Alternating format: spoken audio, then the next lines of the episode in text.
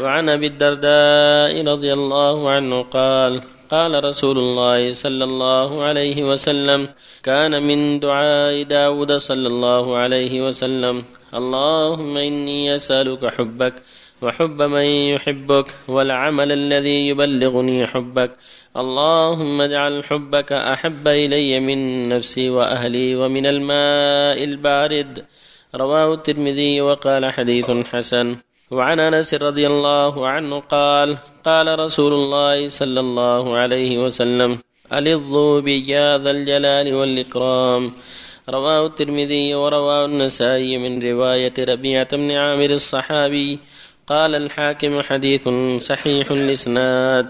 وعن أبي أمامة رضي الله عنه قال دعا رسول الله صلى الله عليه وسلم بدعاء كثير لم نحفظ منه شيئا.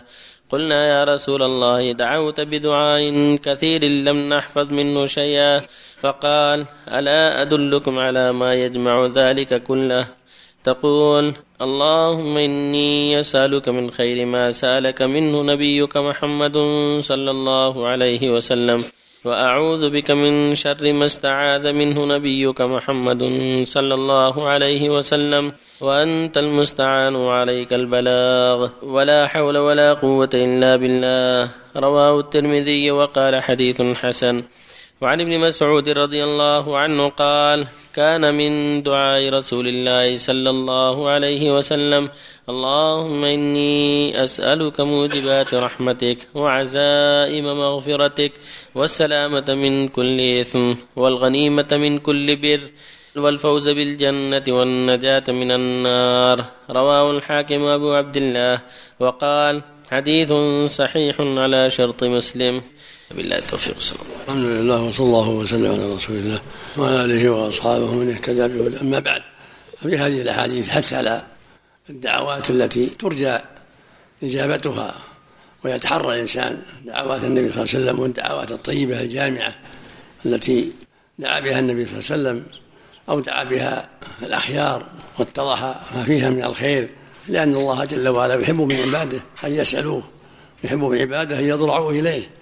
فينبغي لهم الإكثار من الدعاء وتحري الدعوات التي دعا بها النبي صلى الله عليه وسلم. فإن الله جل وعلا جواد كريم يحب أن يسأل ويحب أن يعطي.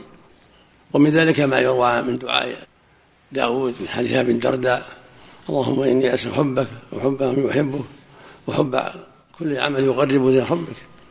اللهم اجعل حبك أحب إلي من نفسي وأهلي ومن الماء البارد. هذا المعنى جاء في عن النبي صلى الله عليه وسلم.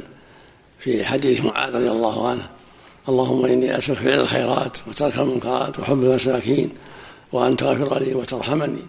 وإذا أردت بقوم فتنة فاقبضني لك رفتون اللهم إني أسألك حبك وحب من يحبك وحب كل عمل يقرب إلى حبك. فالإنسان يدعو بهذا الدعاء الذي هو من جوامع الدعاء. اللهم إني أسألك حبك وحب من يحبك وحب كل عمل يقرب إلى حبك. وكذلك الدعاء. اللهم إني اسال موجبات رحمتك وعزائم مغفرتك وأسألك الغنيمة من كل بر والسلامة من كل إثم وأسألك الفوز بالجنة والنجاة من النار. اللهم إني أسألك من خير ما سال عبدك نبيك صلى الله عليه وسلم وأعوذ من شر ما استعاذ من عبدك ونبيك صلى الله عليه وسلم. أنت المستعان وعليك البلاغ ولا حول ولا قوة إلا بالله. هكذا ما تقدم من الدعوات الجامعة. اللهم إني اسالك الهدى والسداد اللهم إني اسالك الهدى والتقى والعفاف والغنى اللهم إنك عفو تحب العفو فاعف عني. يتحرى الدعوات الكثيرة التي جاءت في النصوص ولا سيما الجامعة اللهم يا مقلب القلوب ثبت قلبي على دينك ويا مصرف القلوب صرف قلبي على طاعتك. اللهم بعلمك الغيب وقدرك على خلق احين ما علمت الحياة خيرا لي وتوفني إذا كانت الوفاة خيرا لي. اللهم إني أسألك خشيتك في السر والعانية وأسألك كلمة الحق في الفضل والرضا وأسألك القصد في الفقر والغنى وأسألك نعيما لا ينفد قرة لا تنقطع الرضا بعد القضاء برد العشي بعد الموت وأسألك لذة النظر إلى وجه الكريم والشوق إلى لقائك في غير ضراء مضرة ولا فتنة مضلة. اللهم زينا بزينة الإيمان واجعلنا هداة مهتدين. أخرجه النسائي في صحيح عن عمار بن ياسر وهكذا يتحرى الهدية التي فيها جمع الخير كله. ومن هذا اللهم إني أسألك الجنة وما قرب لها من قول وعمل وأعوذ بك من النار وما قرب إليها من قول وعمل. اللهم إني أسألك رضاك والجنة وأعوذ بك من سخطك والنار وما أشبه ذلك من الدعوات التي ذكرها المؤلف سابقا والتي جاءت في غير كتاب المؤلف هنا. وبكل حال فالإنسان يسأل ما أهمه حتى لو كان ما هو وارد. يسأل ما أهمه. ويتعوذ مما أهمه وإن كان لم يقف عليه من الوارد. فإن كل إنسان له حاجات تلم به وتدعو الحاجة إلى أن يسألها أو يتعوذ منها. فإذا كان ذا دين سأل الله أن يقضي دينه. إذا كان ذا عائلة قد حصل منهم مضرة سأل الله أن يكفيه شرهم وأن يعطيه خيرهم وأن يصلحهم. إذا كان بحاجة للزواج سأل ما يعينه على الزواج. إذا كان بحاجة إلى سكن سأل ما يعينه على إصلاح السكن. إذا كان في خوف في الطريق سأل ربه يمنحه العافية ويؤمن خوفه ويكفه شر الأعداء وهكذا. يسأل ما يناسب المقام ولو كان غير وارد. وفق الله الجميع. نعم. الله إليك. صحة حديث ابن مسعود الأخير. ما راجعت سنده هو ما راجعت سنده. هذه حاجة عندك؟ نعم. نعم. وفي سنده حميد الأعرج. قال الذهبي في الميزان متروك. وقال أحمد ضعيف. وقال أبو زرعة واحد.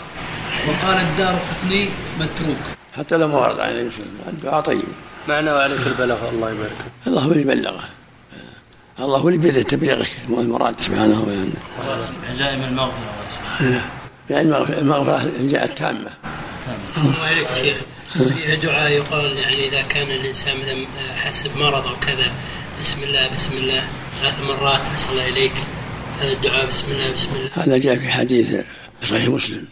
إذا أحس بمرض يضع يده على المرض ويقول بسم الله ثلاثة أعوذ بعزة الله وقلت شر ما أجد وهو حالي سبع مرات. هذا رواه مسلم في الصحيح. وهذا من الدعوات الجامعة الطيبة المختصرة. يضع على يده اليمنى على مكان ألم. يده اليمنى واليسرى يده على محل الألم نعم. بسم الله ثلاثة ثم يقول أعوذ بعزة الله وقدرته من شر ما أجد وهو حالي سبع مرات. بدون ما ينفث أحسن الله إليك. ما أحتاج ما ذكر نفسه نعم. بدون. الدعاء. ثابت يد يضعها مرة واحدة ولا يرفعها مع كل؟ لا يخليها عليه وإن وإن حاطه شيء ما في بأس. لكن يضع يده على محل الألم الحمد لله الذي لا يحمد على مكروه سواه. هذا طيب الدعاء. والله ما ما أعلم فيه شيء. ما أعلم فيه شيء. لأن الانسان قد يصيب الشيء يكرهه ومع هذا يحمده الله.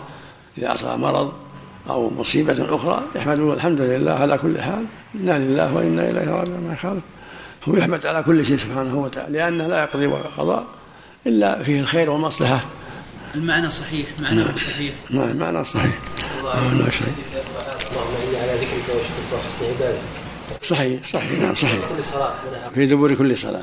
قبل الصلاة قبل السلام قبل السلام أفضل قبل السلام. الراجح أفضل قبل السلام.